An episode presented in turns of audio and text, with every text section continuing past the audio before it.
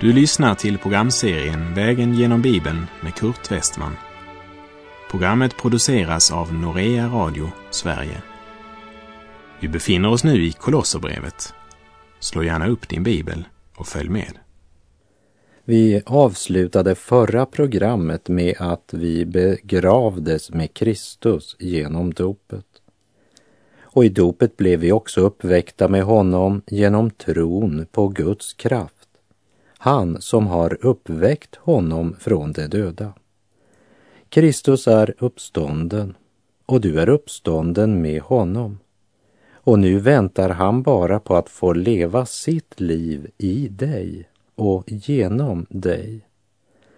Så frälsning är alltså inte att ta sig samman och försöka förbättra vår gamla natur.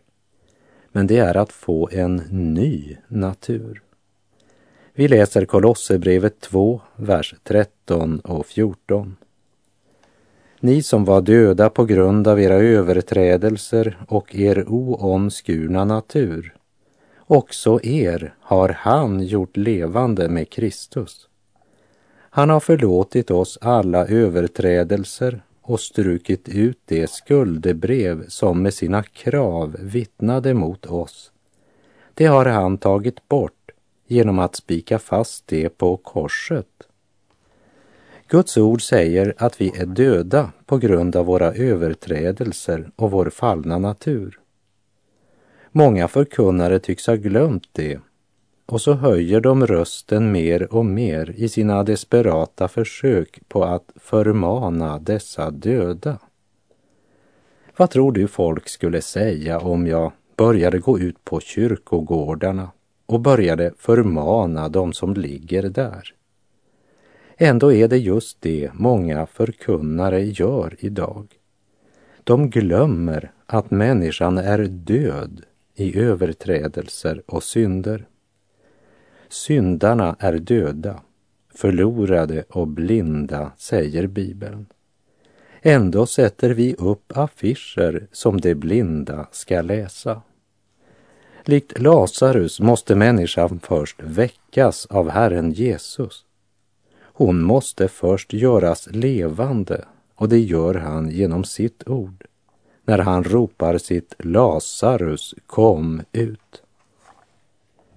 Och när en människa är gjort levande med Kristus, då kan man börja förmana. Döda ska inte förmanas, de ska väckas upp. Vid den här tiden hade Paulus en väldig kamp mot två olika grenar av grekisk filosofi. De var varandras kontraster på många sätt, men de växte båda på samma rot. Den ena filosofin var stoicism och den andra epikurism.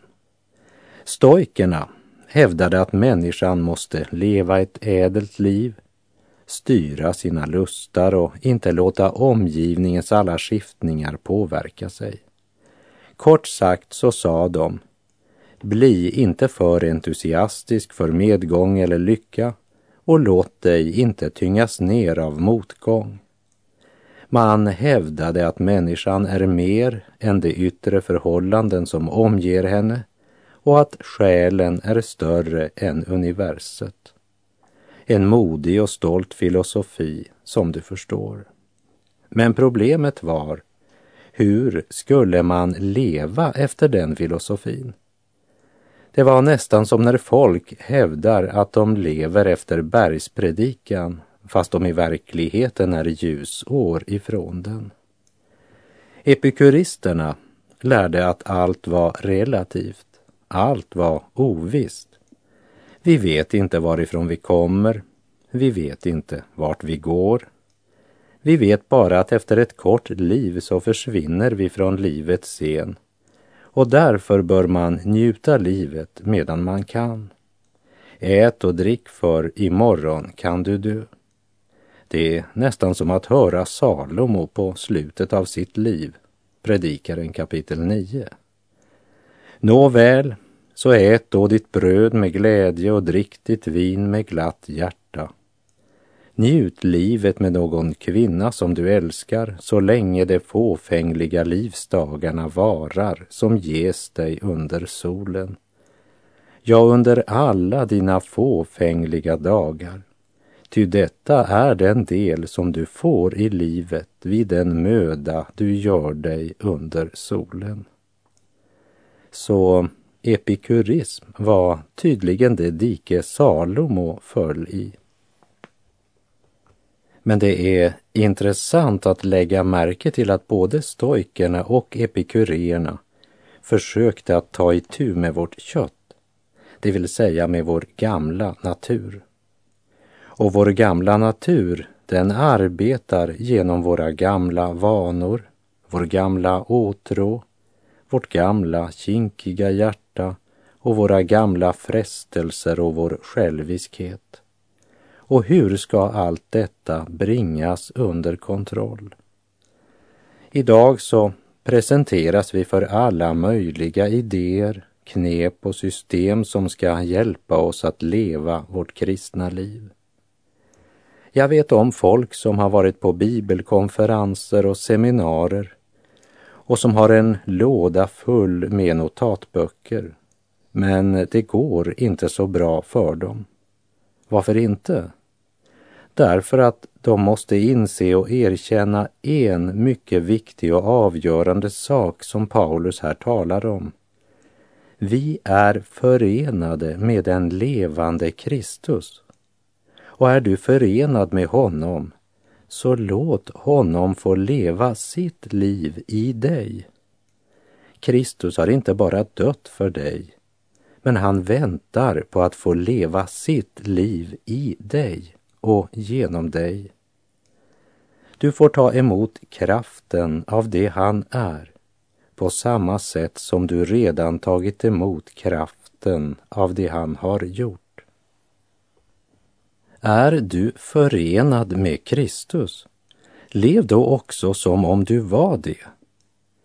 Hur nära Kristus lever du i vardagen? Vandrar du beroende av honom? Är det honom du först vänder dig till i livets alla olika situationer? Är det Kristus som är ditt livs centrum? Ej silver, ej guld har förvärvat mig frälsning, ej jordiska skatter har friköpt min själ. Nej, blodet på korset är priset det kostat. Den enfödde sonen gavs ut för mitt väl. Kristus har strukit ut det skuldbrev som i sina krav vittnade mot dig. Det har han tagit bort genom att spika fast det på korset. Din skuld är betalad. Och jag repeterar, du får ta emot kraften av det han är på samma sätt som du redan tagit emot kraften av det han har gjort. Kristus har alltså strukit ut det skuldbrev som med sina krav vittnade mot oss. Det har han tagit bort genom att spika fast det på korset. För det som var omöjligt för lagen, svag som den var genom den syndiga naturen, det gjorde Gud genom att sända sin egen son som syndoffer. Han som till det yttre var lik en syndig människa och i hans kropp fördömde Gud synden, säger Romarbrevet 8.3. Vår gamla natur, vårt kött, har fördömts av Gud. När Kristus dog, så dog han för dig och för mig. Han blev straffad för dina och mina synder. När Jesus blev dödad så hade man satt upp ett anslag på korset där det stod Jesus från Nasaret, judarnas konung. Han blev offentligt avrättad, anklagad för uppror. Det var ju inte sant, men det var det man anklagade honom för. Och för de som stod vid korset och läste anslaget Pilatus hade skrivit så tänkte de kanske att han varit olojal mot Caesar genom att kalla sig själv för konung. för dem så var det det som var orsaken till att han hängde på korset. Men när Gud såg på korset så såg han det altare där Guds lamm offrades för att bortta all världens synd. Gud såg en annan inskrift än den som Pilatus satt upp. Gud såg skuldbrevet utstruket med Jesu dyra blod. Han har förlåtit oss alla överträdelser och strukit ut det skuldbrev som med sina krav vittnade mot oss. Det har han tagit bort genom att spika fast det till korset. Det heliga tio Guds bud spikade fast Jesus till korset. Inte därför att han hade brutit dem, men därför att jag hade brutit Guds bud. Kristus tog min plats och dog i mitt ställe. Nu är mitt skuldbrev utstruket, halleluja, lovad vare Gud. Ack, hör och lev och fröjda dig, din Jesus gjort det allt. Ja, allt vad Gud åt dig och mig uti sin lag befallt. Och när det allt fullkomnat är, så säg vad återstår. Ej minsta bokstav fattas där, ej ens en suck, en tår. Besinna att för länge sen din gärning Jesus gjort, som han för dig och var och en ren öppnat himlens port.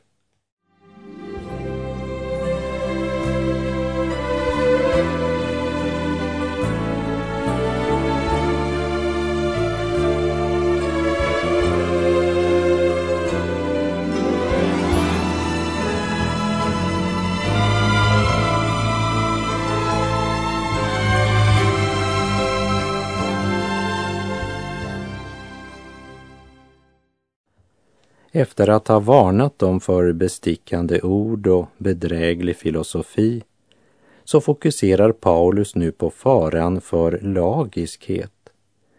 Och vi ska se att lösningen är att vända sig till Guds ord och komma i personlig och levande gemenskap med Jesus Kristus. I stormiga tider bland töcken och grus en skara dock skrider mot himmelens ljus dess hopp och dess härlighet världen ej ser. Men före går Herren, ja, före går Herren med segerns baner. Och nu ska vi mycket noga lägga märke till vad aposteln här säger om Kristus, om kampen och om fienden och hans vapen. Ge akt på orden i Kolosserbrevet 2, vers 15. Han har klätt av väldena och makterna och förevisat dem offentligt när han på korset triumferade över dem. Paulus säger att Herren Jesus Kristus har klätt av vår fiende. I en fotnot upplyser folkbibeln att bilden är hämtad från en segerrik fältherres triumftåg i vilket krigsfångarna förevisades, där de nakna gick före fältherrens vagn. Avklädd handlar alltså både om att vara totalt avväpnad och avklädd, det vill säga avslöjad. NT 81 använder uttrycket han avväpnade och utsatte dem för allas förakt. Gud har alltså i Kristus avväpnat vår fiende. Och därför ska du vara på vakt, min vän, så att du inte ger honom vapnen tillbaka. I början av Romarbrevet 12 varnar Paulus de troende och säger Anpassa er inte efter den här världen, utan låt er förvandlas genom att sinnet förnyas så att ni kan pröva vad som är Guds vilja, det som är gott och fullkomligt och som behagar honom. Ty i kraft av den nåd som jag har fått säger jag till var och en bland er, ha inte högre tankar om er själva än ni bör ha, utan tänk förståndigt efter det mått av tro som Gud har tilldelat var och en. Och här i Kolosserbrevet gör han det klart för oss att Gud har avväpnat vår fiende. Han har förevisat honom offentligt, avslöjat honom. Därför skriver också Paulus i Andra Korinterbrevet 4, verserna 3 och 4. Är vårt evangelium dolt så är det dolt för dem som går förlorade. Ty den här tidsålderns Gud har förblindat de otroendes sinnen så att de inte ser ljuset som strålar ut från evangeliet om Kristi härlighet, han som är Guds avbild. Kristus har triumferat över Satan och synden. Och det gjorde han på korset och nu är han uppstånden. Han lever och väntar på att få leva sitt liv i dig och genom dig. Fienden är avväpnad, så ge honom inte vapnen tillbaka. Som Herrens pånyttfödda, Herrens förlossade, har vi ett ansvar.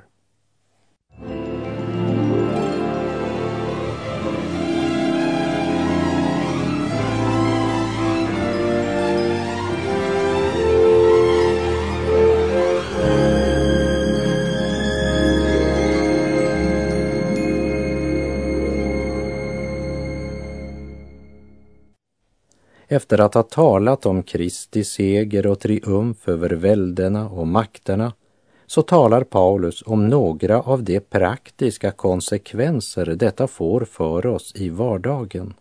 Vi läser Kolosserbrevet 2, vers 16 och 17.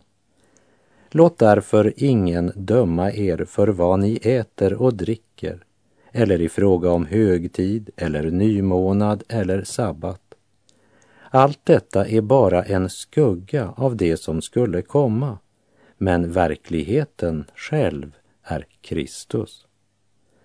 Lagar och regler som endast är byggda på mänskliga traditioner och stadgar och endast är ritual eller liturgi behöver Jesu lärjungar inte följa eftersom de inte har något värde nu.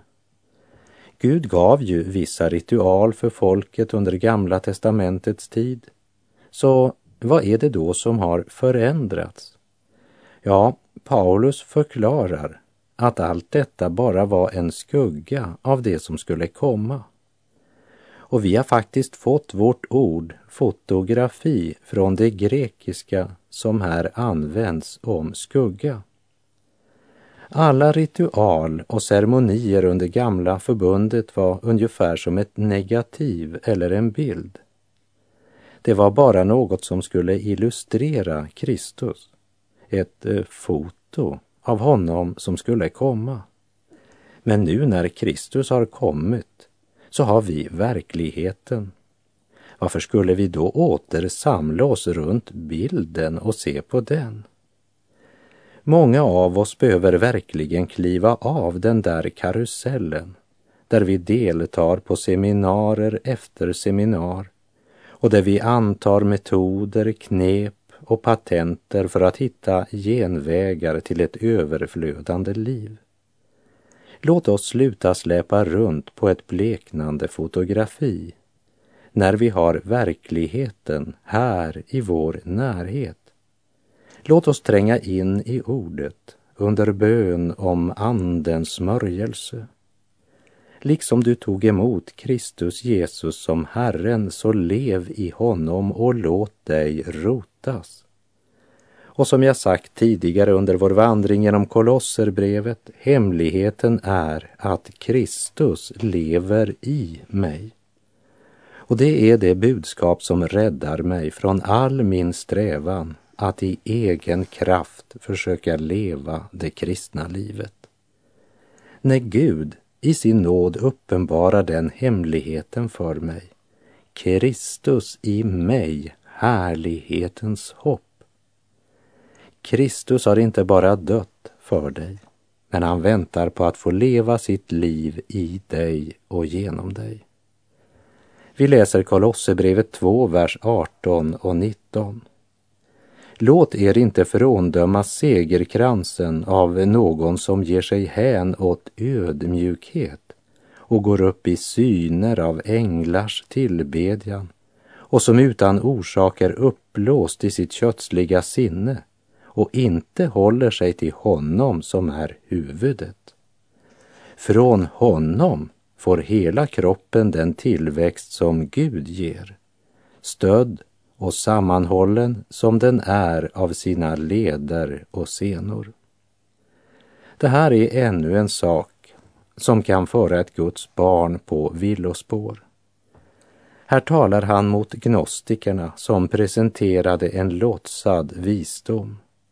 Det handlar om andlig suggestion och andligt snobberi. Det handlar om sådana som inte håller sig till honom som är huvudet, men är fokuserade på sina egna uppenbarelser eller andras. Och uppblåsta i sina kötsliga sinnen så håller de sig inte till Kristus, han som är huvudet för sin kropp, församlingen. Och Paulus sista varning gäller asketism Kolosserbrevet 2, verserna 20 till och med 23. Om ni med Kristus har dött bort från världens stadgar, varför uppför ni er då som om ni levde i världen och böjer er under dessa bud? Det ska du inte röra, det skall du inte smaka, det skall du inte ta på och detta gäller sådant som är bestämt att användas och förbrukas efter människors bud och läror. Detta uppfattas visserligen som vishet med sin självvalda gudstjänst, sin ödmjukhet och sin späkning av kroppen. Men det har inget värde, utan är bara till för att tillfredsställa det kötsliga sinnet. Eftersom du har dött med Kristus och uppstått med Kristus så ska du inte återvända till det som gällde innan Kristus stod på korset och uppstod i härlighet. Och det här, det tror jag är ett oerhört stort och farligt problem. Det finns människor som följer en eller annan tillfällig modenyck i församlingen eller ett gammalt vedertaget mönster eller religiös ceremoni. Helgelse består trots allt inte i en massa förbud. Du skall eller du skall inte. Men hur kan Paulus säga att de har dött bort ifrån världen? Han skriver ju till levande människor. Precis som Kristus stod och blev tagen ut ur denna värld så är den kristne löst ut ur denna värld genom att han är förenad med Kristus. Men eh, man kan ju inte komma bort från synden genom att ta avstånd från en massa yttre saker eller från människor. Utan när synden ska bekämpas måste det ske i mitt eget hjärta det är synden i mitt eget hjärta som är det farligaste för mig, säger Jesus i Markus 7, vers 18-23, där han säger Inser ni inte att det som utifrån går in i människan inte kan göra henne oren eftersom det inte går in i hennes hjärta utan ner i magen och ut på avträdet. Därmed förklarade han all mat för ren och han tillade det som går ut ur människan, det gör henne oren. Ty inifrån, från människans hjärta, utgår onda tankar, otukt, stöld, mord, äktenskapsbrott, girighet, ondska, svek, lösaktighet, avund, hädelse, högmod och dårskap. Allt detta onda kommer inifrån och gör människan oren. Bland de troende i Kolosse var det många bud och förbud de hade börjat hålla i deras kamp mot synden. Men när Paulus låter dem veta sådant som är bestämt att användas och förbrukas efter människors bud och läror ska de inte tillägga någon religiös betydelse, för då hamnar de fel. De ska akta sig för stoltheten som säger jag nekar mig själv eller jag gör inte det eller det, jag är så avskild. Och Paulus går så långt att han säger det har inget värde. Detta uppfattas visserligen som vishet, men med sin självvalda gudstjänst, sin ödmjukhet och sin späkning av kroppen. Men det har inget värde, utan är bara till för att tillfredsställa det kötsliga sinnet. Asketism gör dig inte helig. Asketism skapar bara självgjorda martyrer som antingen gör dig självgod eller missförnöjd. För Gud har endast lovat ge oss kraft att bära alla de bördor han lägger på oss. Men han har aldrig lovat att ge oss kraft att bära alla de bördor som vi tar på oss vid sidan av. Gud vill att du ska glädja dig i Herren Jesus Kristus och han vill att du ska leva nära honom. Och om du vandrar i nära gemenskap med honom kommer du också att erfara de andens frukter som heter kärlek, glädje och frid. Saliga visshet, Jesus är min. En av de många saker som är glädjande med att bli gammal, det är att man blir mer och mer klar över alla de nådeshandlingar och de många välsignelser Gud låter strömma över oss. Och jag tycker det är konstigt att de flesta kristna är ofta mer intresserade av Andens gåvor än av Andens frukt i sina liv. Låt ingen bedra dig genom bestickande ord. Låt dig inte imponeras av filosofiska tankar. Låt dig inte styras av mänskliga traditioner och stadgar. Ge dig inte hän till ett liv i frosseri och utsvävningar. Asketism är inte heller något verkligt alternativ, utan Kristus är svaret. Bliv i Jesus vill du växa till i de stycken som din Gud behaga. Bliv i Jesus om i tron du vill lära dig var dag ditt kors att taga. För det är något annat än filosofi, mänskliga traditioner, frosseri eller asketism. Och med det är vår tid ute för den här gången. Herren vare med dig, må hans välsignelse vila över dig. Gud är god.